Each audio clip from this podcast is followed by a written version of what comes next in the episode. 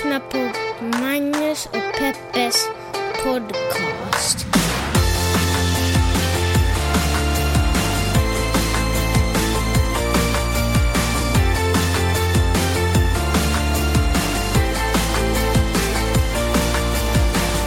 Hallå internet och hjärtligt välkomna ska ni ha till pod- ska ni vara menar jag förstås, till podcasten som heter Magnus och Peppes podcast.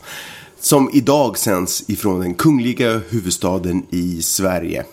Bara eh, typ en vecka ifrån kronprinsessan Victorias födelsedag. Wunderschön. Ungefär så. Eh, Peppe, hur känns det? Har jetlagen lagt sig? Vad är det trevligaste? Vad är det värsta? Vad händer? Ge oss en liten uppdatering på ditt sinnestillstånd. Alltså jag mår ju bra. Jag är lite förkyld fortfarande, men på det stora hela mår jag bra. Jag tycker Tråkigt att börja en podd med att gnälla om hur förkyld man är. väldigt... eh, det är ju väldigt eh, fint att vara i Stockholm. Mm. Alltså, det är så... På, I USA skulle man säga att det är så lush, liksom. Det är så Jaha. grönt och fint och lummigt och vackert. Mm. Jag sprang ju en tur i, runt uh, Gärde idag och ho, ho, så det var vackert. Ja. Det som jag tycker, om man måste peka fram någonting negativt. Nej, det måste man inte. Det var, jaha, ja, du okej. frågar, nu tänker i alla fall säga det. Finländaren i dig måste också komma till tals menar du? Folk är, folk är inte så artiga och trevliga. Ingen gullar med Miley's. Ingen, man måste verkligen hälsa uppfordrande i trappan. Men kan det vara så att Miley ser ut som alla andra bebisar här? Så att hon inte på något sätt är unik. Men i USA, så, i USA är hon You ju... did not. I USA är hon ju liksom en gigantisk gullig bebis. Hon är som den där Marshmallow Man i sista scenen i Ja, Ghostbusters. exakt. Folk vet inte om de ska springa skrikandes för livet eller om de ska gå fram och pussa och försöka smaka. Ja. ja, Men i alla fall tycker jag att folk skulle kunna jobba upp sin artighet lite. Mm, alltså baserat på att folk inte gullar med vårt barn. Nej, men sådär vet du att om man... Folk säger inte tack eller hej i trappan om man öppnar dörren för dem. Eller, liksom, folk är ju bara lite ohyfsade. Men jag tror att du kanske glömmer bort eh, det faktum att folk på de här breddgraderna är lite, lite mer blyga, eh, lite timida och eh, vill inte orsaka much, Vänskap. much ado about nothing. Så. Utan eh, var och en håller sig lite till sitt. Så. Ja, ja. Men på det stora hela tycker jag det är underbart. Och det som är fint med Stockholm är att man kan gå på gatan här och så träffar man folk man känner. Den det är ju kul. aldrig i... Nu råkar det ju egentligen LA. bara vara Anita och hennes snubbe som vi stöter på hela tiden. Gång på gång på gång. Ja, för vi bor typ vägg i vägg med dem. Har du stött på några andra människor som har fått dig känna dig som en... Ja, jag har faktiskt stött, jag suttit på uteservering och så har folk kommit förbi och sagt hej. Typ vem då? Typ uh, Mina Lange. Ja, no, okej, fine. Det- Ett exempel räcker som ett bevis på att du är någon. Så du trivs i den här stan? Ja, Mm, kul. Längtar du tillbaka? ja. Gör det ändå? Men alltså idag när du pitchade LA för din kusin för att de skulle hälsa på fick jag en akut hemlängtan. Ja, men fast du måste ju förstå när man pitchar till sin kusin, då måste man ju få det att låta mycket coolare än vad det egentligen är. För man vill ju att kusinen ändå fortfarande ska se upp till en. Sen känner jag mig ju tryggare på något sätt här Mhm. i Stockholm. Det är sant. Jag tänker att eh, vad som helst får hända här, vi kommer ändå att klara oss. I USA Mm. känns det verkligen sådär att, att om det händer någonting är det genast fara på färde. Äh, vänta, Nej, utveckla. men sjukdom eller ensamhet det. eller liksom någon slags ekonomisk kris. Här är vi ju ganska safe känns det som. Mm. Medan i USA så är det verkligen bara liksom en olycka från helvete. Ja, det är ju faktiskt så. Vi ju Och men vet du vad, jag tror att de flesta amerikaner lever så också. Ja. Medelklassamerikaner. Helt klart. Ett snedsteg och, snedsteg och liksom... Snedstek. Ja. Det är, för, nej, men det är som vi har konstaterat tidigare på den att eh, USA är ju ett land för de vackra och de starka och människor med underbart när du citerar dig själv. och människor, ja, men som jag brukar säga, att USA är ju ett land för de vackra och starka och människor med mål och driv. Eh, men eh, som sagt, så fort eh, sjukdom är där, då är ju, sen sitter ju alla och kör Uber för att få det att fungera. Och, den, och, och så är det ju inte här. Så, och det, det håller jag med om, det är väldigt tryggt. Du, det var ju nära att jag inte kom till Sverige den här sommaren. Ja, herregud. Ska vi snacka lite om det? Där står vi vid check-in-disken, du räcker över ditt pass och plötsligt går allt i snow, slow motion. Den här lilla berättelsen skulle jag vilja tillägna eh, eh, någon form av... Jag skulle tillägna den Finland. Jag skulle tillägna den här lilla, den här lilla berättelsen Finland. Eh, det, är en, det är en berättelse av tacksamhet och... Eh, på något nu känner jag nästan också djup skuld. Så, att det står i djup skuld. Nej men alltså vi står ju på Los Angeles. Vet du varför det heter LAX Ja, förresten? det vet jag. Berätta då. För att man måste ha ett trebokstavigt namn på ett flygplats. Och du hade LA... Herregud, vad händer i svenska? Alltså, du kan ju fan inte ens prata. Men det är sant, man måste ha ett treordigt bokstav på ett flygplats. Ja, Förklara du då, Nej, men som så- är så himla bra på Men, svenska. men vad står Xet för? För till exempel Arlanda, då är det Det är ARN. hittepå-X. De bara dit det för att det måste finnas tre bokstäver. Just det, bra. Check. Bra, så vi står där alltså på det här hittepånamnet, flygplats. Och eh, så står den här eh, personen bakom check-in-disken och säger att, eller han frågar mig egentligen snällt först efter att ögonbrynen har rynkats lite. Så säger han så men eh, har du ett till pass? Och jag bara, nej, anledningen till att vi har bokat datum 13 för vår avresa var ju, nej förlåt, jo just det, datum 13 för vår avresa var ju för att mitt pass går ut den 17. Eh, Så jag skulle ha god marginal att komma hem till Sverige och ansöka om ett nytt pass så att vi sen liksom kan återvända i något eh, liksom efter sommaren. Men så står den här människan bakom disken och frågar om jag har ett annat pass. Och jag bara, eh, nej varför då? Eh, jo, därför att det här passet gick ut igår. Och det visade sig att jag har läst fel på passet. Att det är inte Magnus, den... det är inte roligt. Nej, men nu kan man ju skratta åt det. Nästan. Eh, att det var inte den 17 det gick ut. Eh, 17 var året. Och- Herregud, alltså. Och 12 var, var datumet som det här passet gick ut. Så, men, jag, men du vet, det är ju ingen fara för färde. Ni som, har lyssnat, ni som lyssnar på den här podden, ni som känner mig, ni vet ju att Magnus, liksom, mitt namn är ju Magnus Kirrarbiffen Silvenius Öhman. Alltså jag har ju aldrig hamnat i en situation som jag inte skulle kunna snacka med, eller inte, inte så att jag snackar mig ur och distraherar folk, men du vet man löser det. Jag är en, jag är en lösnings... Eh, Orienterad man. lösningsor- och lösningsinbjudande man. Jag får människor ganska ofta att liksom, ja, den här killen hjälper vi. Liksom. Alltså, det är sant faktiskt. Ja, och, och så kände ju han. Han blev ju träffad av, av det här, eh, och mig, eh, som jag sände ut. Eh, så han frågade naturligtvis sin närmaste chef, som stod liksom säkert i check-in-disken bredvid den och liknande. Och hon gav ju ett starkt nej, för att hon inte bara såg mig, tänker jag. Eh, så hon, han fick nej direkt där. Eh, men, men han kände ändå att det finns mer att göra. Och det var jag naturligtvis väldigt tacksam för. Så att han, han var sådär, men vänta, eh, håll ett ögonblick. Jag ser ju att ni ska hem. Du är ju uppenbarligen svensk liksom. Så eh, ge mig ett litet ögonblick. Så Här svängde du dig om och tittade på resten av familjen bara, det är lugnt. Precis, och Vidars panik eh, såg jag lite sådär. För jag blev ju först chockad. Jag bara, va? Har det gått ut? Liksom. Eh, bara, nej, shit, vad kan vi göra? Och, och sådär. Han fick nej. Och sen skulle han, så, så, så var han såhär, men ge mig ett litet ögonblick. Så gick han in bakom eh, kulisserna då. Sådär.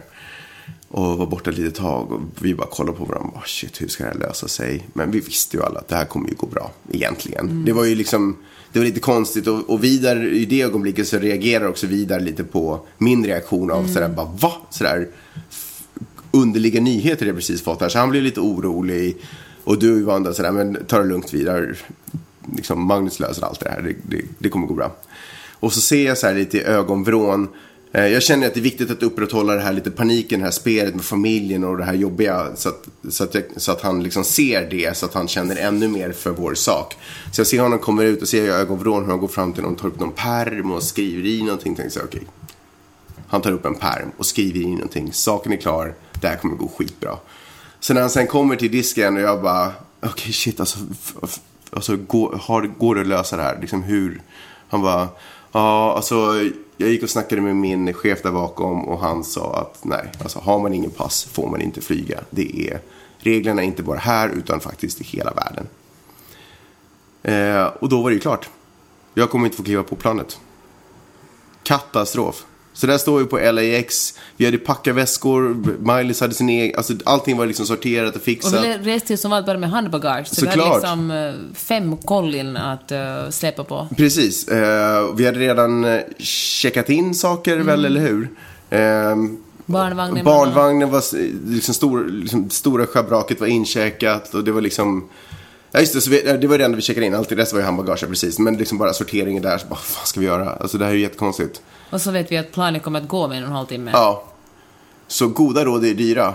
Och så bara, Eh, Okej, vad finns närmaste svenska konsulat? Jag erinrade mig att det var typ i San Diego. Men det kan mycket väl vara att det inte ens är sant utan att det var i San Francisco egentligen. Men sådär, San Diego, alltså okej, saken är ganska klar. Vare sig det är San Diego eller San Francisco så får jag inte ett pass på en och en halv timme. Det finns inte en chans liksom. Men sen bara, pling! Jag är finsk medborgare också. Ett medborgarskap du tog bara på skoj. Jag, jag inte, sånt skojar man inte om, ska jag bara först klargöra. Eh, men det togs i en arbetssituation. Jag och min kollega Peter Westerholm, Petski, gjorde ett tv-program där vi testade på olika saker. Och en av dem, nej det här måste vara ett annat program som jag gjorde. Skitsamma, men i ett avsnitt av en av programmen som jag har gjort så gick det ut på att jag skulle skaffa mig ett medborgarskap och jag skulle göra allt detta på the native tongue, alltså på finska. Så jag lyckas krångla mig igenom hela den processen på knagglig finska för att testa på hur det är att vara invandrare i landet. Någonting sånt, liksom vad man lite kan mötas av och hur lätt det är att gå igenom de här processerna om man inte liksom behärskar språket. Ehm, men vad fan, där står ju jag och, och med mina få alla människor att hjälpa mig i ögon, så det var ju inte så svårt det heller. Så jag lyckades faktiskt, efter att hela, allting var inspelat, programmet hade gått ut, typ ett halvår senare, så jag plötsligt bara trillar ner ett brev i min brevlåda som säger att hej, grattis, du är finsk medborgare nu. Kiva, että ole med oss i nyt. Ett med va? Nej men kul att du vill vara med oss. Ja, ja, men snabbare in i historien nu. Vi Ja, står okej. på LAX, panik. vad som helst. Ja, och så har vi under den här tiden i LA eh, lärt känna han som är general, finska generalkonsulen. Och de har ju, eller du har lärt känna, skönt, sitter och pekar där så att alla ska Anyway. Så vi har lärt känna honom, haft möjlighet att vara där och käka lite middag hemma hos dem, ha bra kontakt och lite sådär bra stämning. Vänner, kan man väl säga att de håller på att bli. Och eh, så jag bara ringer honom, hej, Magnus här, på LAX, lite panik. Kan du eh, fixa ett pass åt mig? Jag har inget pass.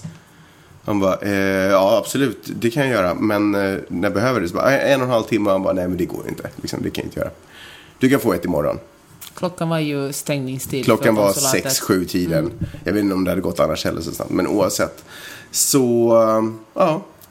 Så där fick jag lämna av dig. Jag behöll Miley's. Vi sorterade upp väskorna. Men jag tycker det blir ju också, hur ska vi göra? Vem ska ta barnen? För jag, Mm. konstaterar, jag kan ju inte ha en baby plus en massa, massa väskor plus en sjuåring. Ja, Jag vägrar ju, liksom att, att resa med det är ju omänskligt. det är omänskligt. Fast du erbjöd dig ändå att göra all det. Gjorde jag det? Ja, jag, bara, måste ha varit någon sorts jag, chock. jag kan ta alltihopa. Jag tänkte så här, ska jag spela på hennes chock här nu, bara låta henne ta alltihopa. Men samtidigt så måste jag säga att den ångesten jag hade över att lämna er där på flygplatsen och sitta i den där taxiresan på vägen Du tillbaka. hade ju stängt lägenheten, Det var ju städat. freaking vi- vidrigt liksom. Lyckligtvis var det ju kväll. Jag hade bokat, jag hade, vi hade dealat med konsulaten att jag dagen efter bara kan komma dit och få ut liksom, göra, liksom söka pass, få ett nytt pass ganska snabbt. Sådär en panikpass eller vad det heter. Knappast det, men i alla fall. Eh, Pinkpass. Ja, och sen hade vi bokat om biljetten till näst, liksom 24 timmar senare. Så, um, så jag gick hem, käkade, sov och sen så var ju liksom hela cirkusen i full gång dagen efter. Så, så det, det kändes ju inte så superfarligt. Men det var ju lite onödigt ändå, Magnus. Det måste man ju säga. Men Ja. det mest fruktansvärda var ju faktiskt Vidars eh, ansikts... Ångest. Ja, den... Eh, liksom den ångesten han fick. Och vet du, det här är ju inte på något sätt en rättvis jämförelse. Det kan jag inte säga, det jag kommer säga. Men, men hugget i hjärtat blev påtagligt. När man av tvång liksom tvingas skilja sig från familj, eh, skilja sig från sin familj, sin övriga familj, när någon annan bestämmer vilka som ska och vilka som inte ska, så kunde jag inte låta bli att i något skede under kvällen när jag tyckte synd om mig känna att, den, du vet den här den här kvinnan som också var sommarpratare i P3 som, hade, som var en av flickorna som överlevde Auschwitz. Som kom dit med sin familj. Eh, Heidi någonting. Ja, jag kom, nej, tyvärr aldrig kommer ihåg vad hon heter. Ja, vilket fall som helst, berätta en jättegripande berättelse. Heidi Frid, inte Heidi Klum. Alla bara, ah, det måste vara Heidi Klum hon tänkte på. Eh, när hon berättade att när de hade kommit fram med de här vagnarna och så var det liksom bara en kapten eller någon jäkla vakt som bara så här, ja men ni går dit och ni går dit liksom. Ja, fy. Och familjen bara så här, nej men alltså vi vill vara tillsammans, vi för ja, bara, ni kommer se senare, bara, pff, bara splittras och alla kanske förstår att det inte kommer ske. Det var inte samma situation på något sätt, men just det här att tvångsmässigt skiljas ifrån sitt barn som inte vill skiljas är ju inte, det är ju inte bra. Det är inte bra för någons psyke. Det var jättejobbigt. Oh, sen Men- förstod jag att han hade träffat någon kompis sen på flygplatsen så allting. Han glömde bort mig direkt. Men som tur var så hade jag Miley's. Och sen kom ni ett Ja. drygt dygn senare. Ja, så, så gick det. Liten fotnot på det här. Eh, att om jag inte hade varit finsk medborgare så berättar de på det finska generalkonsulatet att det närmaste ställe jag hade kunnat fått ett nytt pass på i egenskap av bara svensk medborgare hade varit Ny fucking York. New York, New York. Alltså det är ju... Jag hade ju varit så stekt. Skulle säga att mitt American Express hade varit så stekt. Kan du fatta? Så ska jag åka dit, ha hotellrum för obestämd tid för att få pass. Jag vet inte om de hade varit lika snabba och lika hjälpsamma. Och sen bara boka ny biljett när man sen väl vet att man har pass. Alltså herregud vilken, vilken sörja. Så tack Finland. Men får jag fråga dig en sak? Har du lärt dig någonting annat än att det är otrevligt att skilja sig från sin familj? Eh, ja, ja, det jag har lärt mig av att eh, det finns en... Varje man som har förmåga att få saker och ting att funka, som, en, som kan fixa saker, så som jag alltid har varit. Det kommer en tidpunkt i varje såns man då han står inför ett problem som han inte kan lösa. Jag tror du skulle säga att du kommer att kolla ditt pass i framtiden. Sluta larva dig. En kompis hörde av sig på Facebook och, och frågade vad jag tycker om en artikel som handlar om att mångkulturalism är egentligen helt fel sätt att tänka. Och eh, nu tänker du kanske att jaha, du är en jävla rasist som inte tror på mångkulturalism. Mångkultur... Okej, jag kan inte prata. Nej, det kan du faktiskt inte. Men grejen är att det som... Men vänta, först, kan du bara definiera mångkulturalism i det här sammanhanget för mig? Att, man, eh, en, att ha liksom ett samhälle där många olika kulturer lever tillsammans. Mm, Okej. Att det är en utopi menar du den här personen, eller? Nej, inte att det är en utopi, men att det, det är faktiskt en forskare, en fransk forskare som, eh, som bor i Finland och som, som kommer med teorin. Hon, och eh, hon säger så här att, att, att, att man delar in folk i olika kulturer, definierar kulturen, den personen, mycket mer än, än, den, än, än liksom, den, den kulturen blir viktigare än den här personens personlighet och mänsklighet.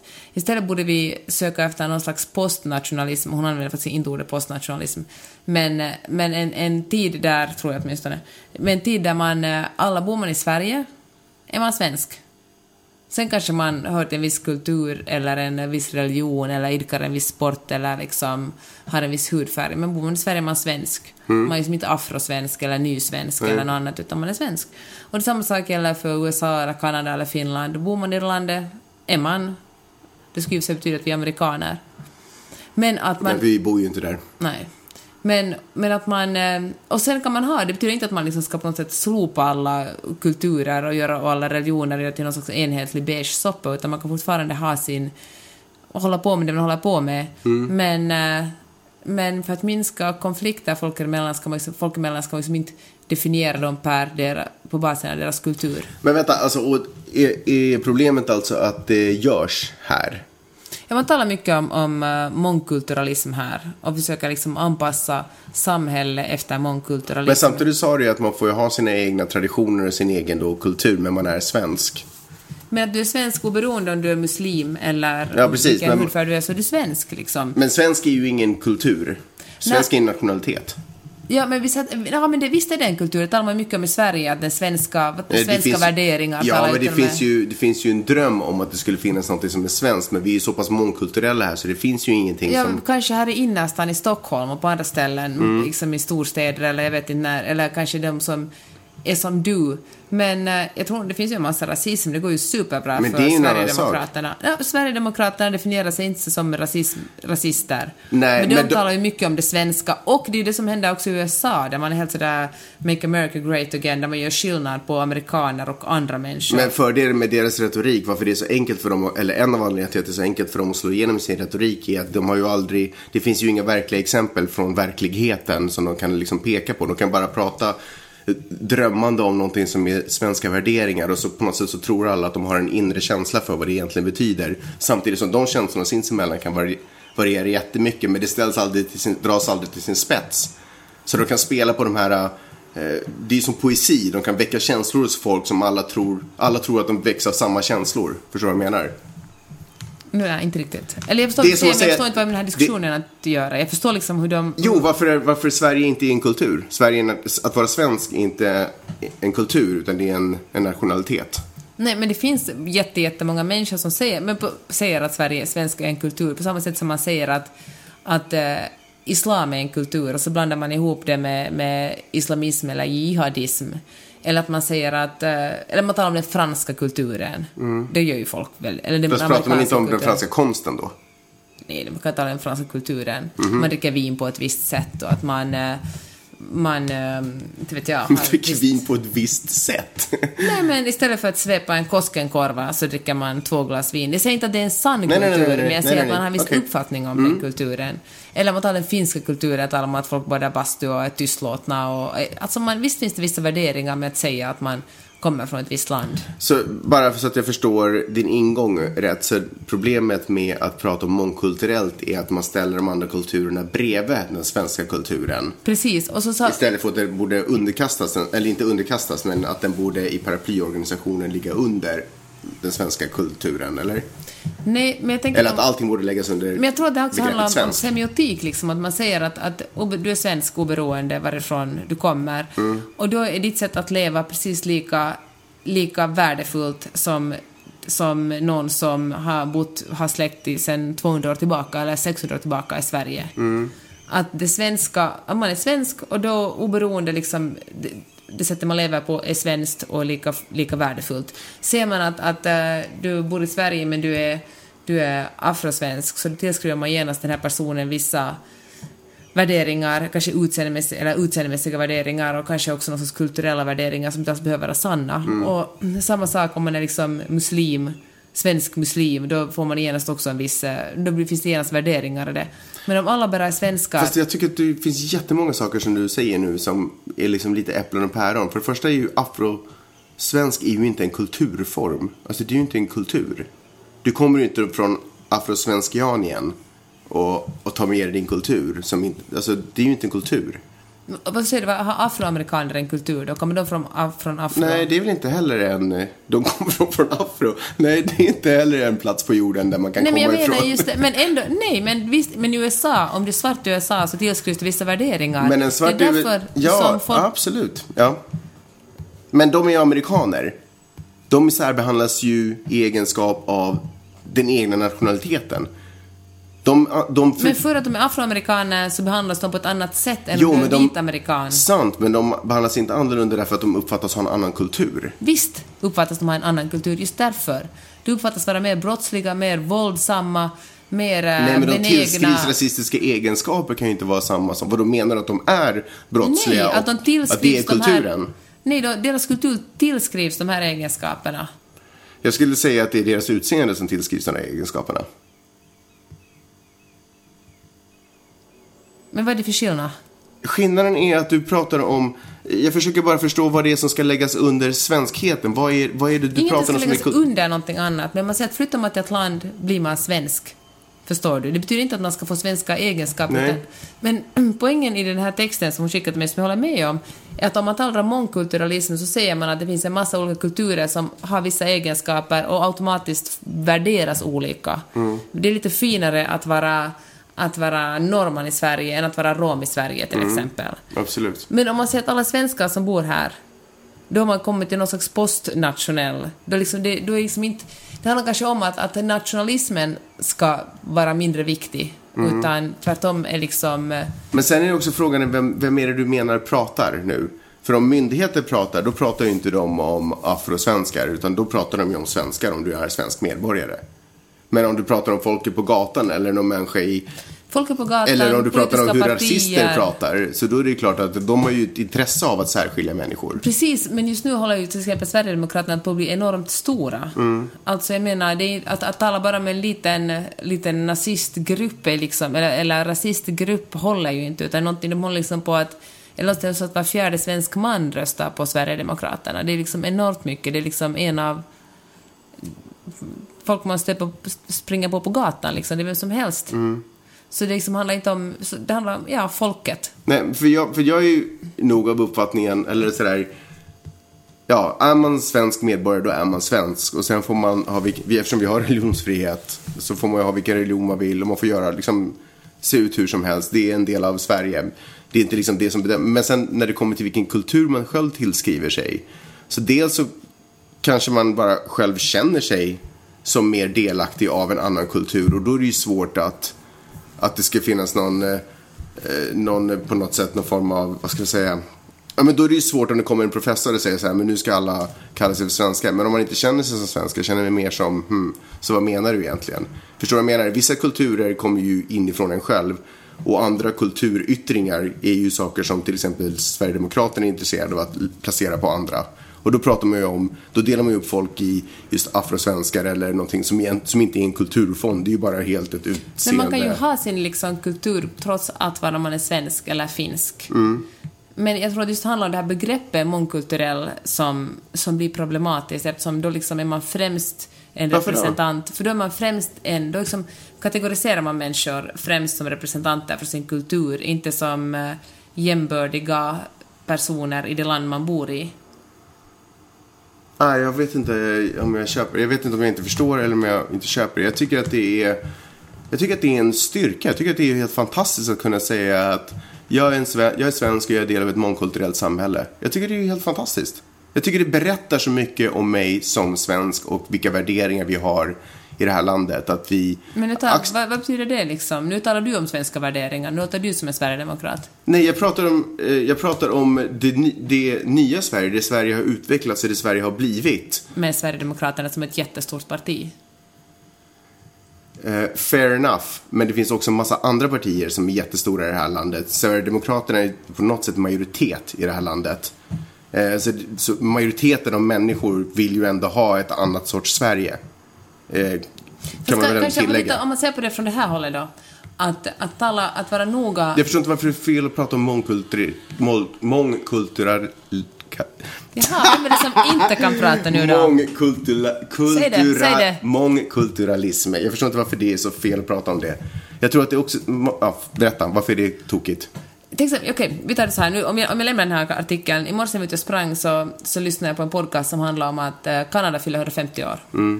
Och eh, nu hoppas jag faktiskt fyller... Ja, jag tror de fyller 150 år. Och så handlar det om att... Eh, varför Kanada är bättre än USA. Det är alltså en amerikansk podcast. Och det är ju inte så svårt att säga. Det finns ju tusen orsaker. Men, men, eh, men en orsak var det att eh, folk är inte så himla stolta över att vara kanadensare. De bara, vad fan, liksom, vi hatar inte Kanada, men vi är nu vad vi är liksom. Alltså, de är inga stora nationalister. Nej, jämfört med USA som... Och det är väl helt vettigt? Ja, och det är kanske det att det kanske inte är så himla, himla viktigt att... eh, det, folk kommer från olika håll. Bor man i Kanada är man kanadensare. Shit, Det är inte sådär, det här är de kanadensiska värderingarna, i Kanada gör vi på det här sättet och allt är jättebra. Utan man är sådär, ja, vi bor här tillsammans och har ett... I det här samhället Alltså jag, jag tycker att det är ett sundhetstecken att, att landets invånare inte är supernationalistiska. Exakt. Och jag tycker inte alls att det betyder att man inte bryr sig om det samhället man lever i eller att man inte bryr sig om det land. Men det tror jag är en skillnad det där. Man bryr sig om, det, det är som någon kommenterade på Twitter också, lyssnade på den här, som sa att, att man bryr sig om sina medmänniskor, man bryr sig om samhället, men som nationalstaten är inte så otroligt viktig för en. Därför att man har lärt sig förstå att, det här land, att invånarna är ju det som gör nationalstaten. Det är inte nationalstaten som gör invånarna. Hela den här USA-grejen är ju ett sätt att försöka få folket att, att ställa upp på vissa värderingar för att det ska helt enkelt vara vara lättare att röra sig framåt och ha krig och grejer. För det är svårt att kriga om man inte tror på det man man krigar inte- för. Ja, om man inte vill dö för sitt land, för man Exakt. tycker inte att sin nationalstat är så viktig. Men om man till exempel tittar på en liten enhet som New York så är det ju de flesta där som bor och lever där ser ju sig själva som New Yorkare. Men det är ju ett mångkulturellt samhälle, det kan man ju inte sticka under. Alltså, det är ju alla som lever där fullt medvetna om. Men de är ju ändå stolta New Yorkare, liksom, allihopa. Men kanske det är just det som grejen är, att det är mer, de är stoltare New Yorkare än att de är stolta för att just att de liksom är så noga med att säga att här, här bor alla som kommer från Pakistan, här bor alla som kommer från Italien. Utan att de är New Yorkare och därför håller de ihop. För de bor Ja, all- fast samtidigt som, eh, nu har inte jag rört mig supermycket, men det fanns en period där jag ändå gick lite på gatan. Men om man går in på något ställe i en stadsdel som är helt omöjlig att sä- säga om man inte har perfekt amerikanskt uttal, nämligen Little Lily. så, så är det ju inte så att italienarna där inte är grymt stolta över att sitt, liksom, i, ibland rätt tveksamma förhåll, liksom tveksamma förhållanden Koppling till- koppling till Italien så är ju alla ändå nog it- italienare. Liksom. Så det finns ju där en stolthet för den kulturen de själva claimar samtidigt som det inte är en tvekan om att de inte skulle vara New Yorkare. Förstår du vad jag menar? Man kan vara båda. Men jag talar inte heller om att man ska liksom slipa ner alla kulturer, att alla ska bli exakt likadana. Utan man får vara stolt, man kan hålla sin kultur och vara stolt över den. Nej, men var man det är- inte det hon tyckte att man inte skulle göra? Nej, att man, ska- inte ska tala om hela tiden mångkultur. Man ska inte tala att vara så himla viktigt att definiera att här i vårt land har vi den här kulturen och den här kulturen, den här kulturen, de här är sån här och de där är sån där och de här är så på tredje sätt. Utan vara så här, i det här landet bor det folk från olika håll, men vi alla svenskar du, eller vet du vad det kanadensare. låter som? Det låter som att vi inte får prata om vilka restauranger vi har i stan. Så bara, vi, man får inte säga så här, vi har indiska restauranger där borta, så har vi en grym Kina-krog där, så har vi en grym eh, italiensk Vad är pizzeria. det för retorik? Man får inte tala. Ingen det var ju att tala. Nej, nej, nej, men- Hon, bara nej, men- själva begreppet Hej. mångkultur. Kan jag få bara avsluta med en ganska fyndiga liknelse? Utan den här professorn vill att vi mer ska prata om att ja, här i Stockholm har vi då alltså ett gäng eh, restauranger. Eh, de ligger andra i Stockholm och eh, ja, kan man lite bekanta sig med i den restaurang man själv tycker. Men man får liksom inte gå ut med vad det finns för restauranger och vad de har för bakgrund och god Du har missförstått allt, Magnus. Säg Little Italy igen. Lill Lilly.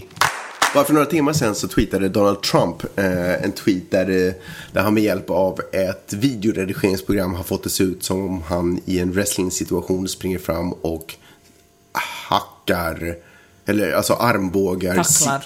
Tacklar, tacklar ner och armbågar och slår eh, CNN, nyhetsnätverket. Ehm, och ja, han, han fortsätter som vanligt med sitt eh, förakt och sin... Eh, Jag blir så otroligt illa till mods. Jag Varför tycker då? det, ja, men jag tycker det är liksom så... Och inte bara för själv är journalist, utan mest för att det är ett sånt förakt mot demokratin. Jag tycker liksom att, klart att journalistiken ska kritiseras, men jag vet alltså... De, det finns så otroligt bra nyhetsmedier i USA och CNN, New York Times, Washington Post, alla de här andra tidningarna, eller nyhetsmedierna som Donald Trump skriver att det är fake och att de bara hittar på. Det gör de inte, det är bara en ren och skär lögn. Och det är att, och att som politiker bli granskad är en del av en demokrati. Alltså det, på något sätt så pissar Donald Trump bara på hela den amerikanska demokratin. li- det var inte länge sedan som han också hade tweetat att det handlar om några morning show-hostar tror jag. Eh, om hur eh, han hade bjudit över dem till sitt ställe och de hade varit där då när han hade sagt det. Men, eh, och hur hon hade blött från ansiktet från sina facelifts. Alltså var det sådär väldigt sådär äcklig och oskön. Och eh, folk, eller såhär republikaner, sena, republikanska senatorer hade liksom till och med varit såhär snälla, liksom snälla sluta tweeta. Bara snälla gått ut och sagt att det där är inte liksom anständigt. Och det där är inte värdigt för det ämbetet han sitter på. Men jag tänkte vi ska snacka lite om eh, journalistik. För att den här synen på vad nyhetsjournalister och vad nyhetsjournalistiska rapporteringar egentligen, vilken funktion de egentligen fyller i samhället, har jag, eh, känner jag kanske inte alltid är överensstämmer med sanningen. Berätta. Nämligen så här, min eh, kära hustru. Jag satt och tittade på tv och det är inte helt sällan man hör det här hur eh, folk i tv-rutan säger att ja, om man skulle tro allting som de berättar på nyheterna så skulle man inte våga gå ut genom dörren eller ja, om man skulle kunna, om man skulle lyssna på eh, dem så skulle man ju, men du vet att, att det finns en bild av att nyheters enda uppgift, eller nyhetsredaktörer och journalisters enda uppgift är att skrämma upp människor på något sätt. Vi, vi rapporterar och berättar bara om fruktansvärda saker som har hänt. Och det har ju till och med lett att nyhetssändningar de senaste kanske decennierna har börjat liksom sådär tweaka av sina sändningar med en liten positiv nyhet så man kan sluta på lite positiv klang. En loppuken även nyss. Precis. Eh, det heter det på finska, jag kommer tyvärr inte ihåg vad det heter. Happy ending heter det på engelska. Mm, nu tror jag du blandar ihop med...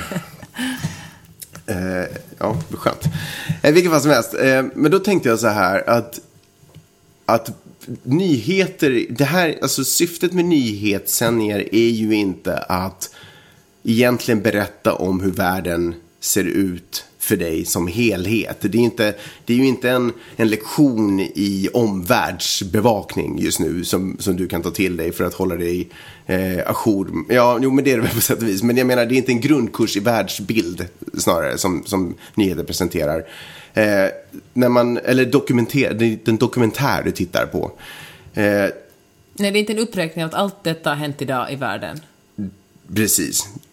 Eller... Den här en- pojken hade födelsedag, det här fåret fick sin päls avklippt. Nej. Eh, om du vill, alltså det är ju så som jag ser det så, och det är ju därför vi också har skolgång, för att vi ska få en bild och vi ska få kunskap och grundkunskap i hur system och, och världen eh, ser ut och fungerar. Eh, Och vi ska få verktyg till att kunna hålla oss uppdaterade på hur den fungerar. Det är ju liksom det jobbet som vi alla alltid måste sköta. Vi måste alltid själva hålla oss ajour med hur regerings, eh, regeringen fungerar, hur vårt statsskick överhuvudtaget fungerar och varför vi har ett sådant. Varför har vi någonting som heter demokrati? Hur såg det ut innan? Varför har alla länder inte det? Hur jobbar våra länder ihop gentemot varandra? Och, och det är ju det är ett arbete som vi alltid, det är inte liksom nyheternas uppgift att informera dig om varför det här statsskicket ser ut som det gör, statsskicket ser ut så som det gör i princip. Om det inte har hänt någonting speciellt kring det. Men, men det jag tror jag försöker komma till, som jag kanske inte riktigt får fram superbra, är att det, det journalister har möjlighet att göra som kanske jag, eller du som, som vanlig människa, så att säga, eller som har ett annat jobb som måste göra andra saker. Det vi har möjlighet att göra är att vi har möjlighet att gå in på, vi har möjlighet att ibland lyfta på, på, på liksom eh, flikar och tecken som kanske inte bara presenterar sig sådär öppet. Och studera att men vänta, varför hände det där om det där hände? Och, och kanske presentera eh, presentera någonting som inte bara dyker upp sådär och vi har möjlighet att också Eller som inte en medborgare har tid att göra. Precis. Forska i eller följa en tråd. Gör det som Niklas Orrenius gjorde i dagens, hade gjort i dagens DN. Mm. Han kollar, CNN, CSN heter det så, de som betalar studie. Att de betalar, eh, ger studiemedel åt, eh, vad det är, 68 stycken svenska Mm. personer som studerar i Medina vid ett universitet som inte tillåter kvinnor och som bara rällar ut mer eller mindre religiös fundamentalism. Mm. Det skulle säkert inte en vanlig typ på gatan som har ett vanligt jobb att gå till på dagarna Nej. ha tid och möjlighet att göra. Men det finns journalister som får betalt för att se vart går våra skattemedel. Och det finns en anledning till att de här nyheterna kanske kan tyckas eller uppfattas vara liksom av det negativa. Därför att vad det handlar om är att man försöker kritiskt, inte negativt, men kritiskt granska vad politiker eller makthavare överhuvudtaget, vare sig de sitter på stora företag eller om de sitter inom politiken.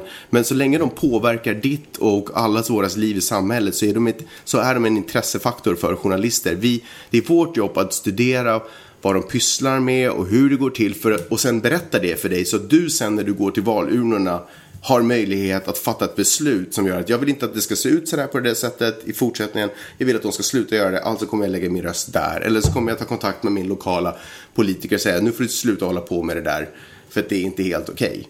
Och därför så finns det liksom ingen anledning egentligen för en journalist att sitta och bevaka hur, hur blommorna växer i år om det inte är så att av någon underlöning så växer de inte alls. För det är på något sätt ett, kanske ett negativt brott som man vill studera på. Eh, ja, brott i, i det vanliga. Men, men därför så är liksom inte fokus på allmänna världshändelser, det är liksom inte riktigt relevant. Utan man försöker titta på hur, hur, hur det ser ut och hur, om, Alltså om allting journalistik, fungerar. sen finns det ju en massa mindre bra journalistik som egentligen inte är granskande alls, som bara är, är informerande. Mm. Exakt. Som inte kanske, som också fyller sin funktion antagligen, men som inte är lika viktig som den granskande journalistiken. Precis. Men jag tycker också det är ett tydligt tecken på att Donald Trump inte är en erfaren politiker, att han verkligen tar det, att han liksom, att han öppet hatar media så här mycket, för politiker 99,9% av alla politiker, politiker i en demokrati förstår ju att det här är en del av spelet. Om jag vill bli invald i en, så kommer politikern, så kommer journalisten att granska mig och liksom, jag signar upp för det här. Det är ju inte snälla roligt, men det finns ju, men, men för en person som som helt enkelt inte har jobbat, han har jobbat inom affärsvärlden och tydligen är han inte speciellt påläst i hur en demokrati fungerar. Det är därför han agerar som en diktator. Mm. Men jag tycker att det är, jag vill bara säga det, för jag tycker det är ledsamt när man hör folk avfärda nyheter för att det är bara negativt och det är bara så. Ja, och det är så. Ibland, det är tungt att höra eh, vad människor gör fel. Men, men man behöver liksom inte, man behöver inte låta allting träffa hjärtat. Man kan sålla i, i den informationen. Det är bara på något sätt, vi gör så gott vi kan för att liksom identifiera skeenden i samhället som kanske strider mot vad, vi, vad som var sagt eller vad som var planerat eller vad som var förväntat. Och presenterar det. Så väljer vi ut de viktigaste och så presenterar vi dem. Eller de, vi gör någon form av prioritering och presenterar dem. För att du bara ska ha en chans att veta. Om det inte var någonting som berörde dig, fine, då hade, du, då hade du en bra dag kan man nästan säga. För då kan du vara lugn med att det mesta är ganska okej i samhället. Det här är just de grejerna som kan vara värda att titta lite närmare på. Men om ingenting av det engagerar dig, så fine. Om någonting av det engagerar dig, då, är, då har det ju skett någonting bra. För då har ju du fått reda på det, att det du trodde hände inte egentligen händer. Och då finns anledning för dig att själv arbeta vidare. Där slutar lite vårt jobb. Det är inte liksom vårt jobb sen att förändra din värld. Det är absolut inte journalistikens jobb att, för att, att agera Precis, förändra det. precis. Och det är också lite, det, det finns den där tron att vi springer runt som någon form av tredje, eller man säger ju att journalistiken är den tredje makten. Som om vi på något sätt samtidigt också gör saker och håller på att flytta runt kulor och något stort. Det här är inte liksom Game of Thrones. Vi, vi, titt, vi studerar kritiskt vad andra människor gör. De som, säger, de som har lovat saker för alla andra, för liksom samhället. Det är de som vi kritiskt granskar och tittar och följer med. Frågasätter, pressar, undersöker, lyfter och kanske ibland också berömmer om det gör något gott. Fast då är mest i krönikeform. Hej! Har du frågor och kommentarer så kan du mejla min mamma och pappa på magnusochpeppa snabel-a gmail.com. Gör det!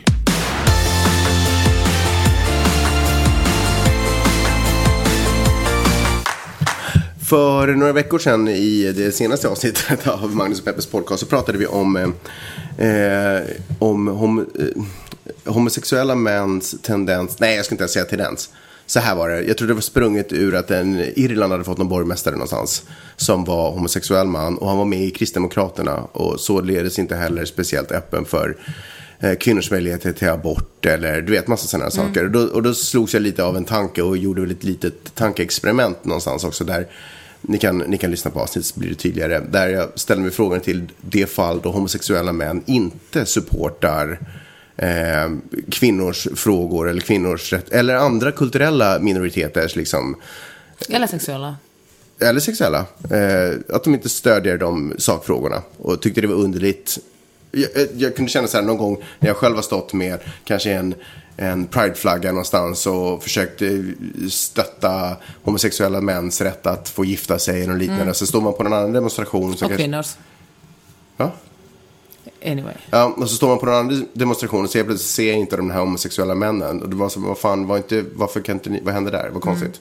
Vilket fall som helst, eh, det här ledde till att eh, Jessica skickade in ett mail till oss och då skriver hon så här. Hej Magnus och Peppe. Homosexuella mäns samhällsengagemang kan ta slut där den egna frågan slutar. Att man tillhör, jag hoppar över lite här, men, men att man tillhör en minoritet i ett visst sammanhang behöver inte betyda att man har andra minoriteters back i alla sammanhang. Jag tror fördomar och rasism skapas i kontexten där man växer upp och lever. Jag tror att det är enklare att vara fördomsfull och stötta minoritet, eh, att vara fördomsfull och stötta minoriteten när man själv, alltså jag menar då förstås att inte vara för, ja, fördomsfri. Och stötta minoriteten när man själv är privilegierad och utbildad. När man själv inte har blivit utsatt för hat är det enklare att ta the high road och inte utsätta andra för hat. Ni vet, barn gör inte som, de, som man säger, de gör som man gör. Tack för en alltid väldigt intressant podcast. Hälsningar Jessica. Ja, men så, Ja, det fattar vi. Fair enough. Det var well put tycker jag. Ja, det fattar jag väl också. Jag bara ställer mig lite så här. Ja, det är konstigt, men det, är väl, det stämmer säkert det Jessica säger.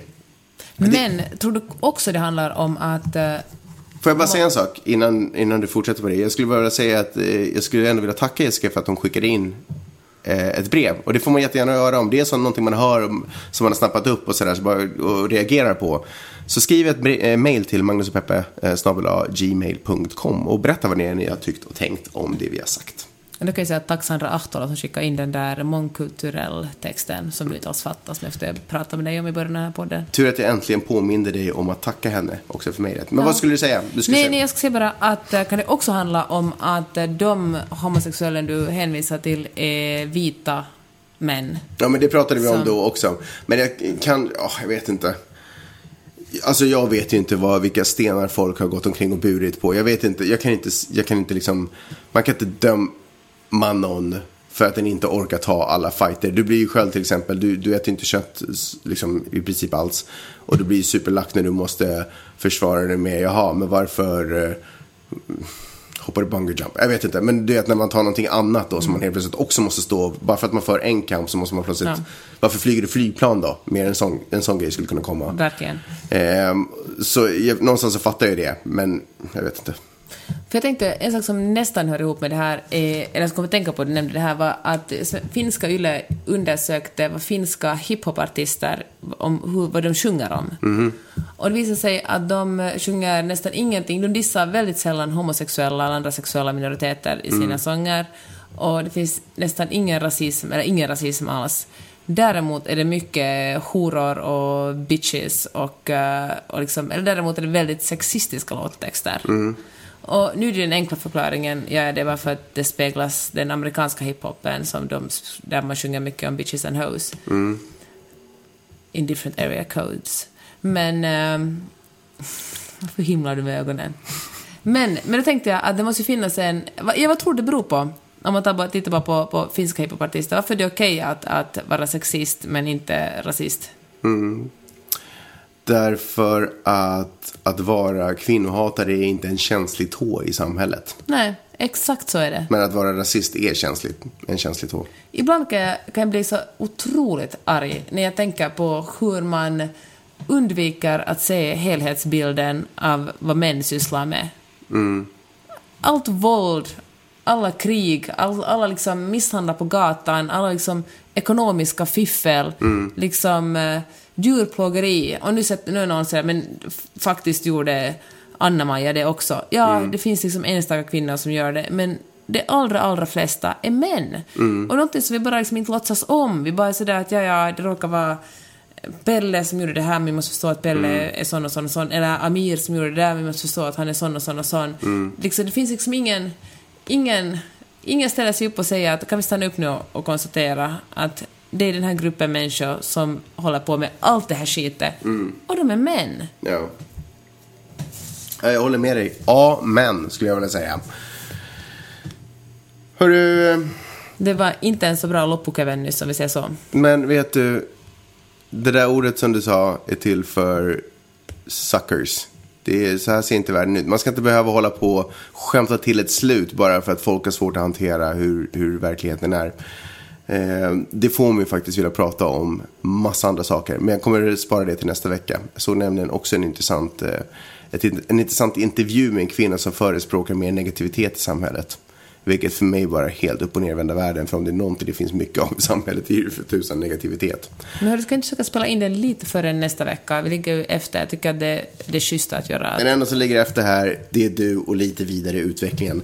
Men annars så tycker jag att vi har det jättebra. Tack så hemskt mycket för att ni har lyssnat den här veckan. Han ligger inte alls efter utvecklingen, förlåt. förlåt Du är ett sånt så. as. Nej, jag är ganska kiva egentligen. Trevlig. Hörni, eh, tack så hemskt mycket för att ni har lyssnat den här veckan. Ni är underbara och vi hörs ja, väldigt det snart håller jag med igen. om. Det är ni faktiskt. Ja. Ha det bra. Ha det bra. Hej då. Hej.